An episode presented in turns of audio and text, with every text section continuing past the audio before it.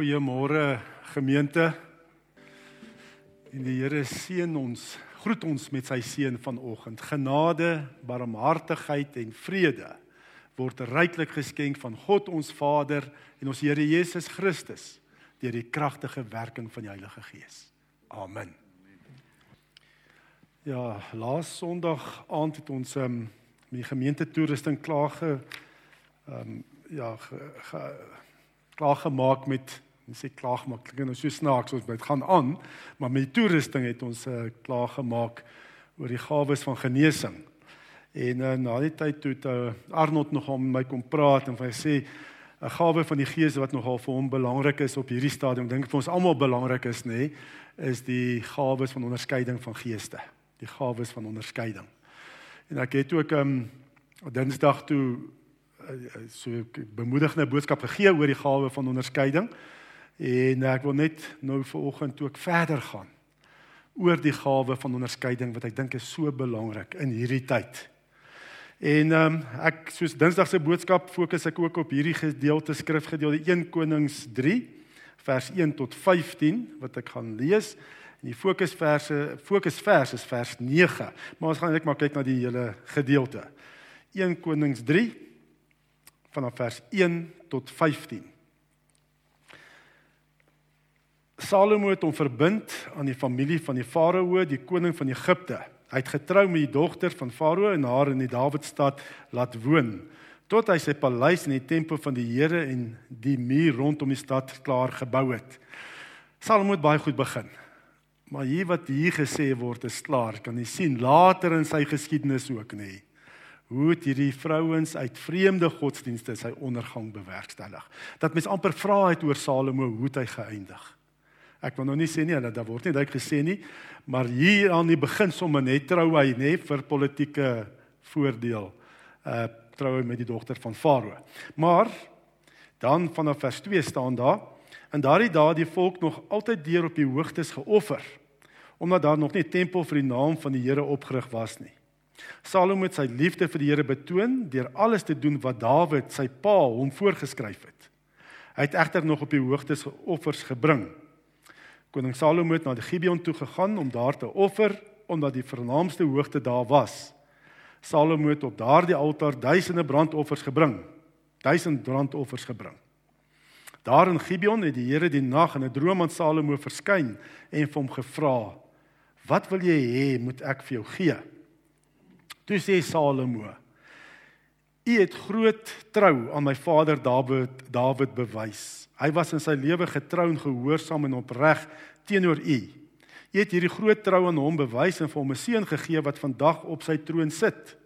Here my God, u het my koning gemaak my vader Dawid se plek, maar ek is nog jonk en onervare en ek moet regeer oor die volk wat deur u uitgekies is, 'n groot volk, te veel om te tel.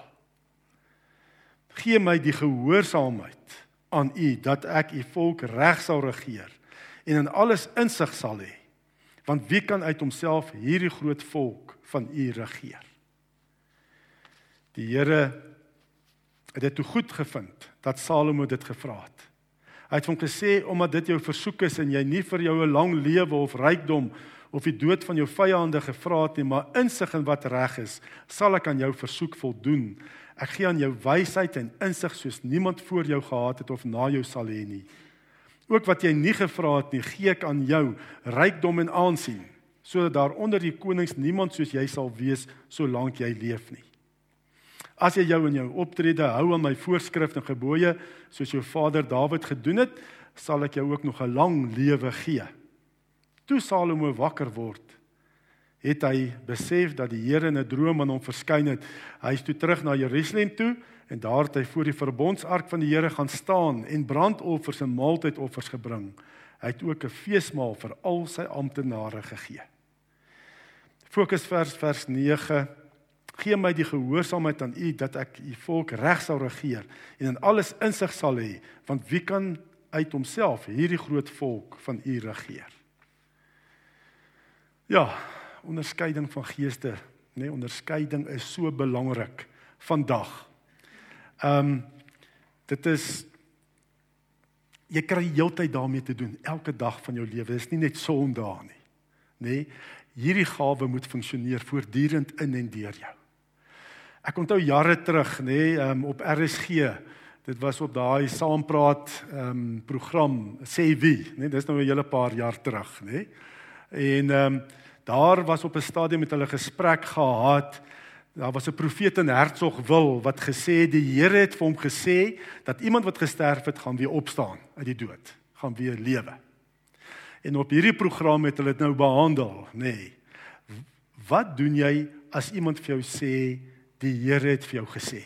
Die Here het vir my gesê ek moet dit. Hoe reageer jy as iemand na jou toe kom te sê die Here het vir my gesê? Ehm um, nou luisteraars het verskillende ervarings gehad daarmee, nê? Nee?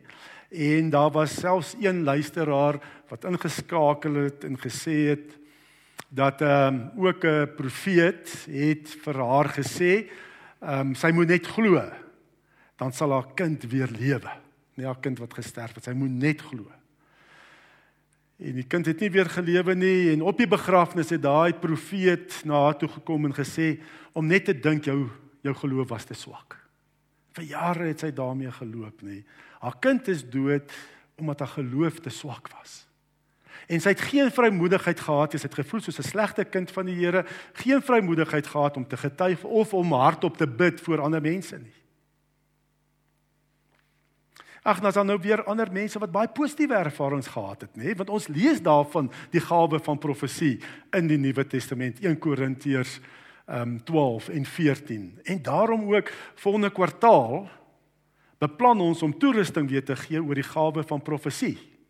Want dit uh, ou Paulus sê en oor hierdie gawes wil met die kerk ingelig wees.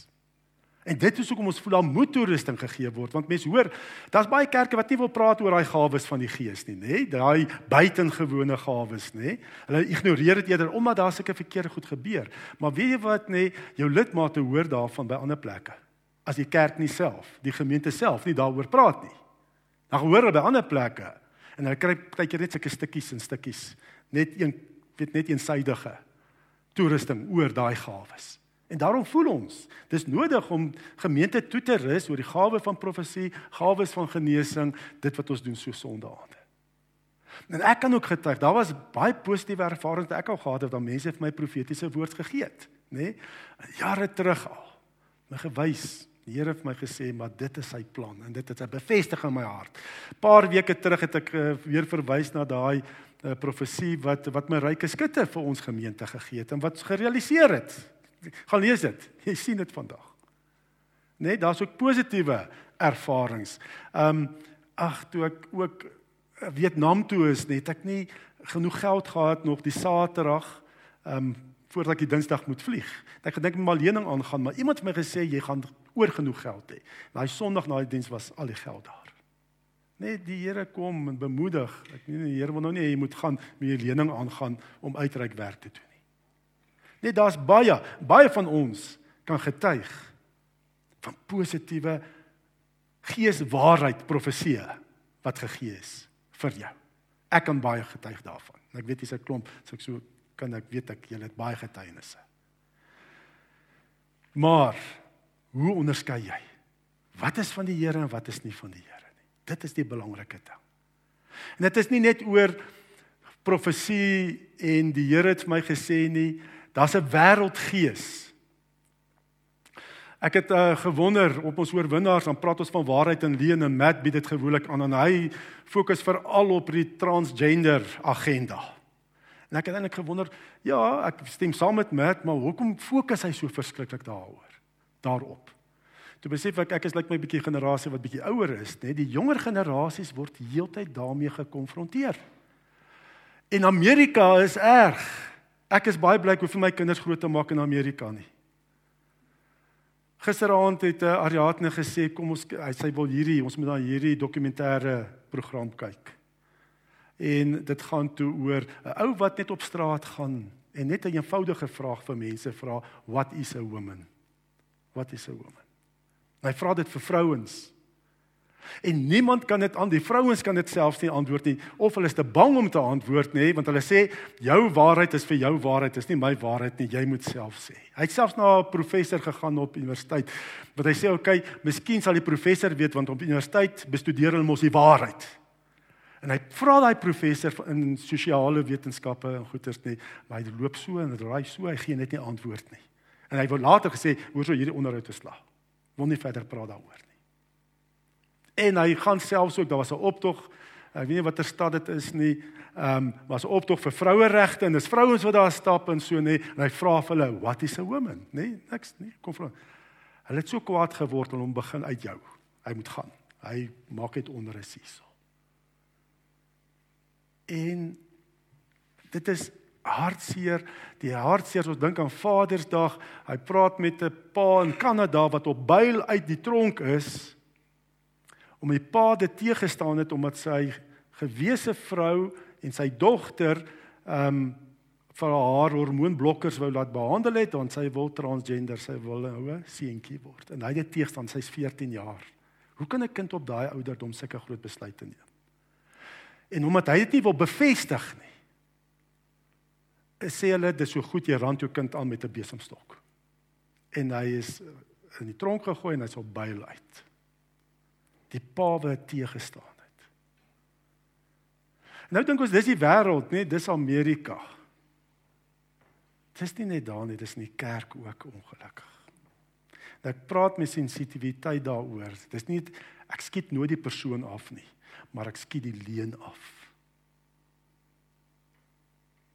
Hoe mense mislei word, die misleiding staan ek teë want daar's selfs teologiese skole wat bekend staan dat hulle die gay agenda dryf. Ek dit is 'n verwarring. Daar is net nie meer 'n waarheid vir ons die wêreld nie. En selfs nie kerk ook. Jou waarheid is nie my waarheid nie. Wat vir jou 'n vrou is, is vir jou 'n vrou, wat vir my 'n vrou is 'n vrou.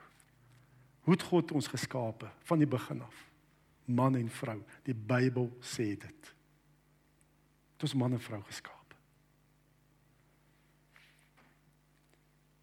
So Jesus waarsku ons teen baie valse profete in sy profetiese rede. Matteus 24 vers 11 en 24 verwys hy reeds na hierdie na valse profete.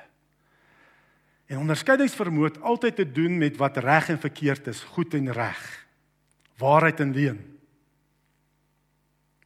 En en selfs ook ek is ek is skrikkerig vir kerke ook. En ons moet onsself ook heeltyd gaan toets aan God se woord. Net ek sê hoor hierso ons doen alles reg nie, glad nie. Dat jy die heup uit skiet en sê almal is verkeerd nie, glad nie. Ons moet heeltyd en dis hoe maar ouderlinge is wat moet toesig hou. Ons moet heeltyd toets aan God se woord. Daar is 'n ultimate waarheid. Wat is dit? Die woord. God se woord. Ons het gesing. Nee, as jy die goeie pad wil wandel volgens die woord. Sy gebooie. Ehm um, daar's baie onafhanklike kerke wat kom en ek weet nie wat hulle agtergronde en wat ook al nie. En dan moet jy gawe van onderskeiding hê. Daar's wonderlike onafhanklike gemeentes. Ek skiet nie almal af nie, dat, dat vryheid het wat nie so vasgevang is in tradisie dat hulle nie meer die Heilige Gees kan hoor nie, nê? Maar hulle is net vry nou so. Daar's wonderlik. So ek skiet nie almal af nie. Jy moet gaan toets. Maar daar's ook onafhanklike gemeentes, bedieninge wat jy wat net enigiets kom en gaan jy weet nie wat op waarop staan hulle nie. Ja. Maar God gee aan opregtes onderskeidingsvermoë. Hy gee met graagte vir ons onderskeidingsvermoë as ons opreg daarvoor vra. En uh, ons sien net God se positiewe reaksie op koning Salomo se gebed vir onderskeidingsvermoë nê. Die Here prys dit aan. Dis wat hy gevra het.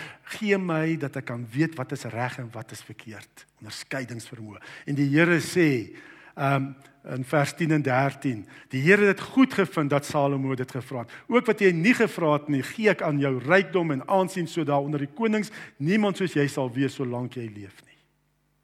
Net die Here prys dit aan as jy onderskeidingsvermoë vra en soek van hom. En kom ons kyk net so 'n bietjie na hoe om opreg te wees, nê? Die vereistes, nê, van 'n opregte hart. Uh vir onder, om onderskeidingsvermoë te ontvang. Wat wat moet wat is die regte gesindheid om te vra vir die Here om vir onderskeidingsvermoë te gee?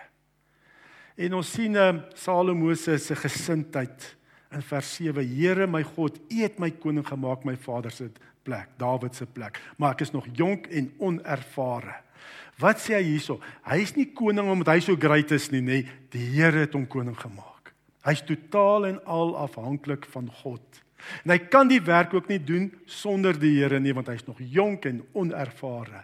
Hy's totaal en al afhanklik van God. Hy het 'n persoonlike intieme verhouding met God En ons het dieselfde vandag. Dis nie net konings of sekere mense gesalfdes nie in Christus. Kan ons almal hierdie intieme persoonlike vader-kind verhouding hê. Jesus het gesê, ek is die weg, die waarheid en die lewe. Niemand kom na die Vader toe behalwe deur my nie. So ons almal kan hierdie verhouding met, met die Here hê. Dis waar dit begin. Jy moet eers daai intieme, persoonlike, afhanklike verhouding van die Here sê. Here, nie my manier nie. Nie hoe ek voel of wat die wêreld sê nie, maar u manier.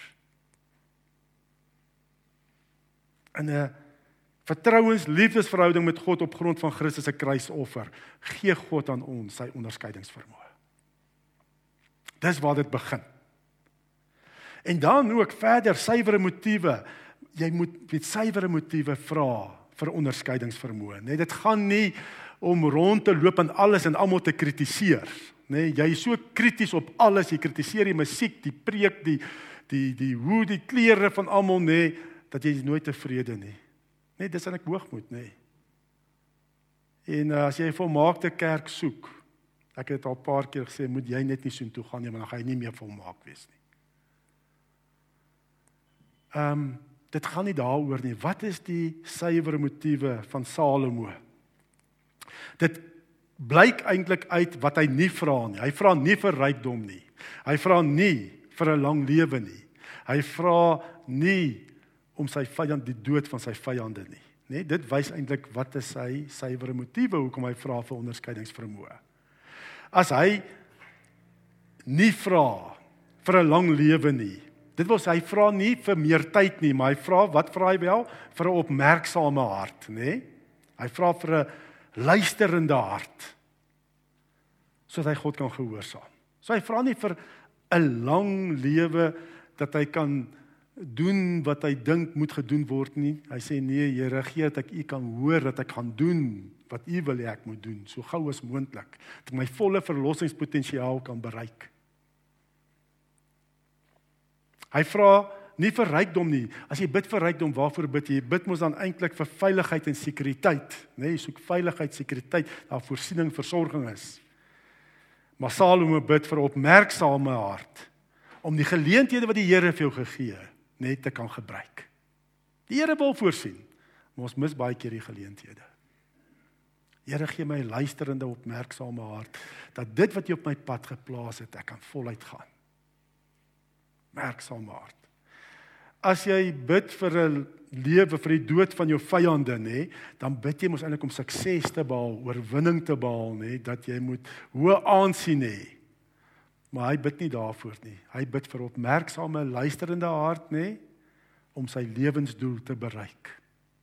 Dit wat die Here hom voorgeroep het te kan bereik om die koning van God se volk te wees. So dis wat ons voor moet bid, nê. Nee.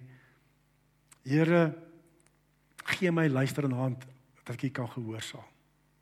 Gee my opmerksame hart om die geleenthede raak te sien wat U op my pad plaas, wat kan getuig U U U koninkryk kan bou en wat U vir my kan sorg ook, kanale oopmaak.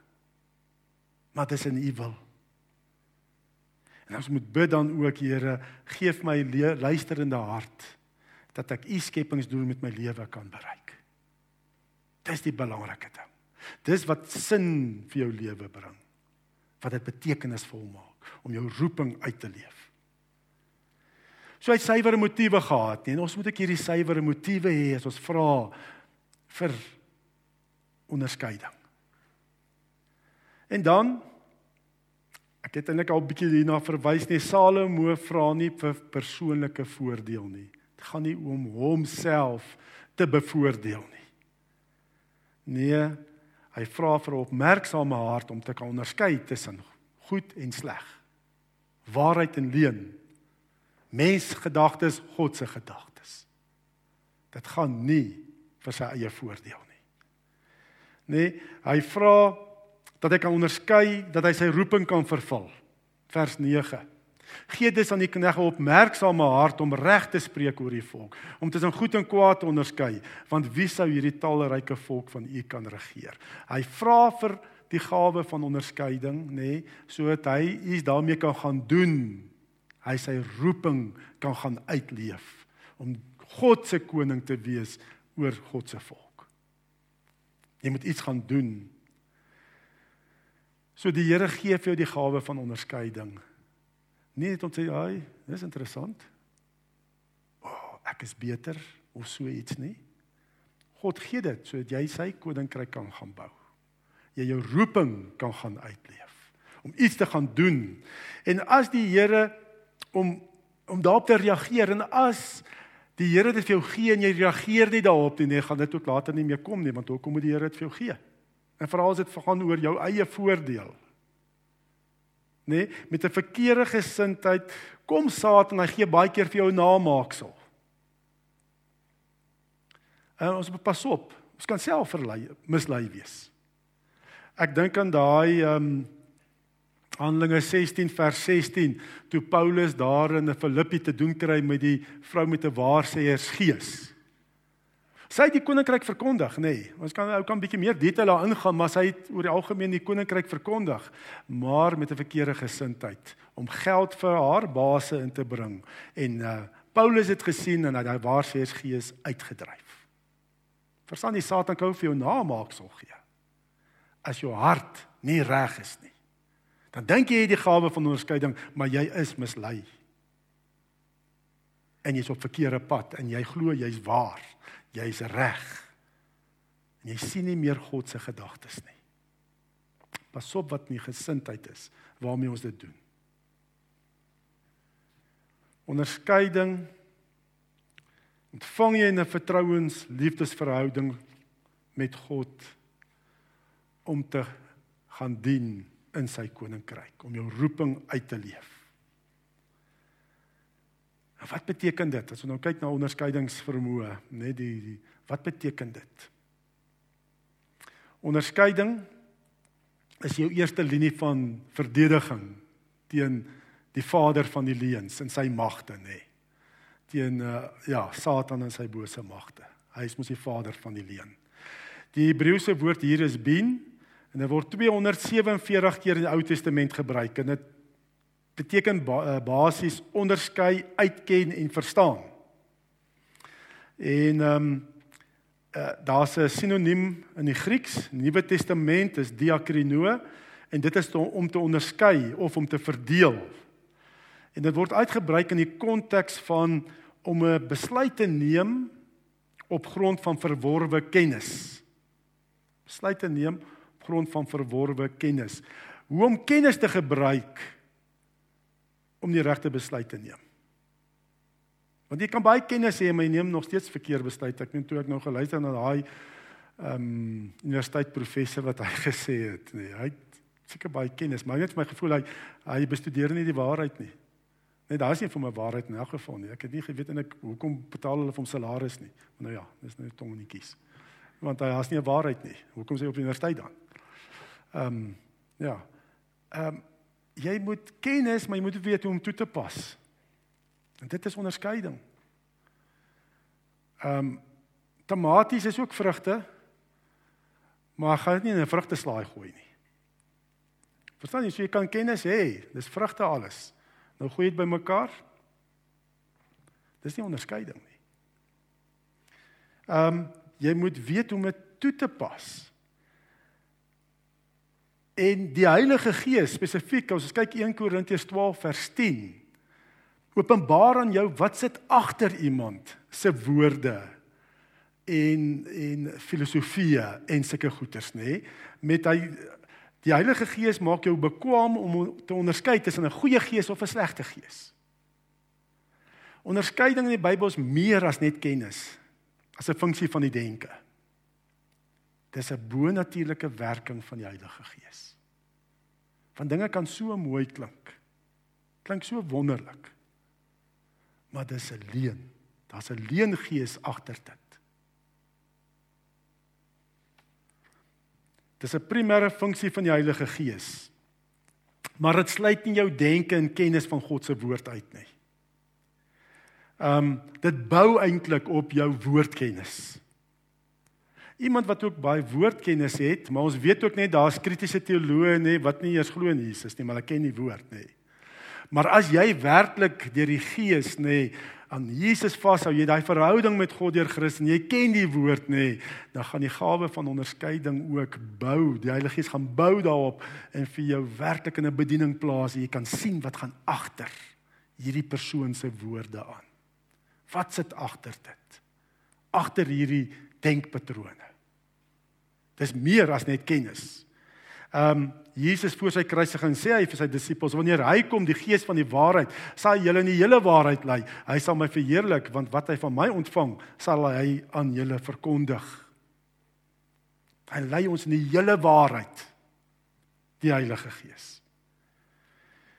Ehm um, ten eerste nê, nee, God openbaar sy denke aan ons deur sy woord. Hy sê mos in eh, Romeine 12 vers 2 dat God jou verander deur jou denke te vernuwe, nê, nee, volgens God se woord.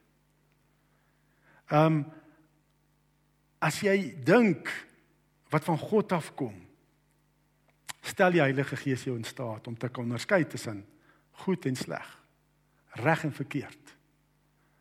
God goddelike denke, menslike denke. Waarheid leen. Die Heilige Gees werk eintlik soos 'n alarmstelsel in jou lewe. Nee, daar net vir jou iets sê. Iets hierdie dit klink goed, maar iets is nie reg nie. Net so 'n alarmpie wat afgaan. Dit wil sê ek hoor dit maar iets is net nie. Jy jy kry net so gevoel. Ek het eintlik gesprek gehad in hierdie week. Ek het net so gevoel gekry het. Maar ek bid en vra vir Here, wat is dit? Hoekom? Want jy moet daarop reageer. En vra vir die Here dat hy verder vir jou wys. Ehm um, ja, ek het ek het ook Dinsdag daarna, baie keer kom jy net by byvoorbeeld op huisbesoek, jy kom by 'n huis alles lyk reg, nê. Nee, Daar's lekker koffie en nog verversings ook. Ehm um, die Bybel is afgestof. Maar iets is net nie reg hier nie. Jy kan amper die atmosfeer so met 'n mes sny. Jy weet net iets is nie hierso reg nie. Ehm um, Ja, maar ja, dan die vraag. Byvoorbeeld ook jou kind kan by huis kom en jy ervaar net hy of sy iets is nie reg nie, jy vra vir jou kind wat is fout? Wat sal 'n kind gewoonlik sê 'n tiener? Niks, nê. Nee. Dan vra jy tweede keer, wat is fout? Ek veralgemeen, ek sê nie al die tieners nie, nê. Nee. ek veralgemeen. Sê wat fout vir die tweede keer? Niks. Vra jy vir derde keer, man ek sien iets is fout. Iets is nie reg. Wat is fout? Sê weer niks. En dan maak ons baie keer as ouers, nê, en dit is waar ons paas ook, vaders ook met wysheid moet omgaan soos Salomo ook, nê, daai vereistes op regte harte en alles, nê, maar dan ook meer vertrou op die Heilige Gees, nie alles altyd probeer reg fiks nie. Wat wat ons gewoonlik as 'n kind derde keer sê niks is fout nie, dan spring ons sommer tot 'n konklusie. Het jy alweer dit of dat gedoen? nê. Nee. En die kans is goed dat jy verkeerd is, nê. Nee. En as jy verkeerd is, dan onttrek hy kind en is kwaad vir jou want jy valse beskuldigings, nê. Nee. Dan het hulle rede om nie met jou te praat nie, want jy beskuldig hulle vals. Moenie so gou tot konklusies spring nie. Vertrou die Heilige Gees. Deel net jou ervaring met jou kind. Ek ervaar iets is nie reg Nee, iets is nie reg jy met my praat. En dan is dit al wat dan gebeur as jy net daarby bly net om te sê ek ervaar iets nie reg gegaan kind kamer toe en dan werk die Heilige Gees. Want wat het die Gees wat hy kom doen? Hy kom oortuig van sonde, nê. Nee. O, pa weet. Ek sal moet gaan praat. Vertrou die Heilige Gees. om in jou kind se lewe te werk. Ek wil amper nou my beplan is volgende Sondag bietjie te kyk na mans en vrouens ook. Huwelikspaartjies. Ook bietjie meer die Heilige Gees vertrou om te werk en nie altyd probeer die ander een verander nie. As jy ook jou kind so probeer manipuleer en verander rebellie. Vertrou die Heilige Gees. Moenie te gou tot 'n konklusie spring nie. Ek het een keer by 'n vorige die vorige gemeente waar ek was, huisbesoek gedoen en gesien iets is nie ek het iets nie en ek het en ek was nog jonk en vinnig tot 'n konklusie gespring en dit was fiasco geweest. Daai jong seun het daar opgespring in sy kar gespring en ek hoor dit tekkies. Ja, gaan hy. Ek en sy ma sê dan nie wat nou nie. Ek het so geskrik. Maar dis omdat ek verkeerd was. Ek het tot 'n konklusie gekom. Ehm um, ja. So ek wil maar net sê ook moenie die waarskuwing van die Heilige Gees ignoreer nie, maar hanteer dit reg. Vertrou die Heilige Gees om te werk in die persoon se hart. Ehm um, bid. Al, al as jy iets ervaar, die Heilige Gees, daai alarm gaan af, nê? Ehm um, moet dit nie ignoreer nie. Dis asseblief nie ignoreer nie. Bid daaroor. Vra vir die Here. Here, wat is dit? Openbaar aan my. En met die tyd sal die Here openbaar. Ek moet sê by daai ding wat ek nou praat van hoe ek tot 'n konklusie spring het, oor 'n tydperk het dit tog ook uitgekom. Maar dit was verkeerd hanteer deur my. Nee, bid en uh, dan net soos ou Salomo ook. En as jy nou verder daar lees, daai bekende geskiedenis waar daai twee prostituie na hom toe kom, die een se baba is dood en die ander in lewe en hy moes toe nou sê wie se baba is die lewende een, nê? Hoe die Here vir hom wysheid gegee, nê? Die Here gee dit vir ons. Gee dit vir ons. Bid moet net nie ignoreer nie. Moenie daai waarskuwing ignoreer nie. Ek het ehm um, ook 'n hele klompie jare terug uh, ook 'n jong man wat my kom sien het, was nie in die gemeente nie. Ehm um, ehm um, ja, wat ek en Maritjie saam gewees. Dis nou jare terug. En hierdie jong man het gesê waar hy ry dan sien hy kraaie volg hom. Weet hoe hy ry? Vlieg kraaie saam met hom. Maar goed, dis en hy hy's bang en al sulke goed, sy lewe is nie lekker nie. En ons het hom gebid en gevra, Here, vat dit weg en goeie, daar kon net nie deurbraak kom nie. Kon net nie deurbraak kom nie. Hy het gesê hy's 'n Christen. Hy het ges, van die begin af gesê hy's 'n Christen en um, ons bid, maar dinge verander nie. En dan kom hy weer die volgende week terug. En toe lei die Here ons om hom te vra, wat het gebeur toe jy Jesus aangeneem het? En toe kom dit uit. Hy het in 'n spieël gekyk en hy het met iets in die spieël gepraat en gesê ek gee my lewe vir jou en hy het gedink is Jesus, maar nooit die naam Jesus gebruik nie. En toe sê ons dit was 'n valse gees aan wie jy jouself oorgegee het. Bid nou saam met ons, verwerp dit en aanvaar net Jesus as jou saligmaker en verlosser. En ons het seker 'n halfuur gesit. Hy kon nie die naam Jesus sê nie. Hy kon dit nie sê nie. En ons moes bid en intree. En met 'n groot gesukkel, toe sê hy Jesus en toe is die deurbraak daar. Verstaan jy hoe kan hier valse geeste kom, nê? Die duiwel doen homself voor as engel van die lig. Hy het gedink hy gee homself oor vir die Here en dit was 'n valse gees aan wie homself oorgegee. So kan die Heilige Gees vir jou wys net om die regte vraag te vra om by die kern uit te kom. Dat jy nie net met met praat oor die ehm um, kraaie wat saamvlieg nie. Anders raak jy daar vas by simptome, die kraaie, goeters. Probeer die kraaie heeltyd wegjag. Dis nie die probleem nie. Dit's 'n dieper geestelike probleem. Ek kan nie dink dat die Heilige Gees passief sal bly wanneer daar 'n bose gees teenwoordig is nie. En daarom kry ons die alarms. Sê maar iets is nie reg nie. Iets is nie reg nie. En ehm um, ja. So Paas het die groot verantwoordelikheid om om die gesinne te lei, om ook die geestelike hoof te wees. En dis nie 'n baasspelerige hoof nie, dit is soos Christus, nê? Die hoof is van sy kerk, is 'n klomp verantwoordelikhede wat op Paas se skouers is. Christus het sy lewe gegee vir sy kerk. En dan het ons Paas dit nodig. Ons het absoluut hierdie gawe nodig. Ons almal natuurlik, maar ek wil nou vandag omdat nou Vadersdag is, fokus daarop. Dat paas eers daai verhouding met die Here, daai vertrouens, liefdesverhouding met God as Vader sal hê deur Christus. En dan opregte harte hê. Nie te bid vir hierdie wêreldse goed hoofsaaklik, weet ehm um, baie geld, rykdom, lewe van my vyand sukses. Daai tipe goed nie. Wat is die belangrikste rol wat 'n pa het? Is om kinders by God die Vader te kry. Dit is 'n verskriklike groot verantwoordelikheid. En ons kan dit nie op ons eie doen nie. Ons het die Gees se werking in en deur ons nodig. Ons het God se onderskeidingsvermoë van die Gees het ons so nodig. Ons kinders by God die Vader uit te kry. Want 'n konsep van God die Vader word hoofsaaklik gevestig deur ons aardse paas. So kom ons kom ook en ons vra met opregte hart vir die Here. Ons almal, Here, gee aan ons hierdie gawe van onderskeiding. Kom ons bid saam.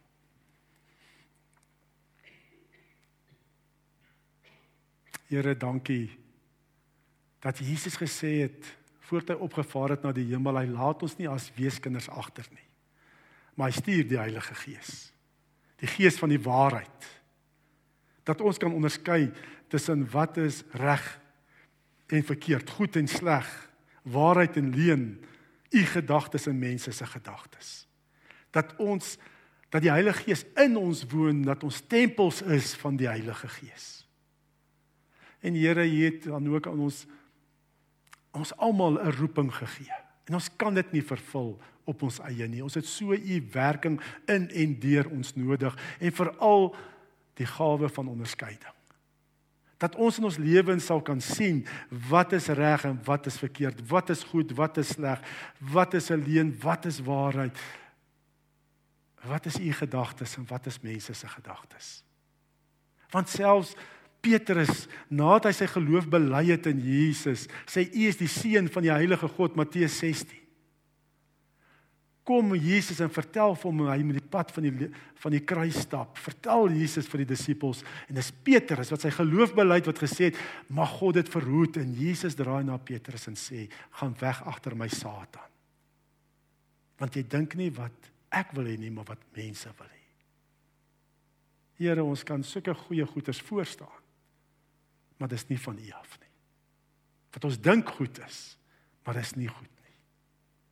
Lei ons in hierdie lewe. En dat ons as vaders en as ouers, ook moeders, absoluut die gawe van onderskeiding sal hê om ons kinders op U pad te lei. Werk U kragtig in en deur ons. Vra dit in Jesus se kosbare naam. Amen die genade van ons Here Jesus Christus en die liefde van God die Vader en die gemeenskap van die Heilige Gees wat jou bemagtig met sy gawes vir bediening sal by jou wees. Amen.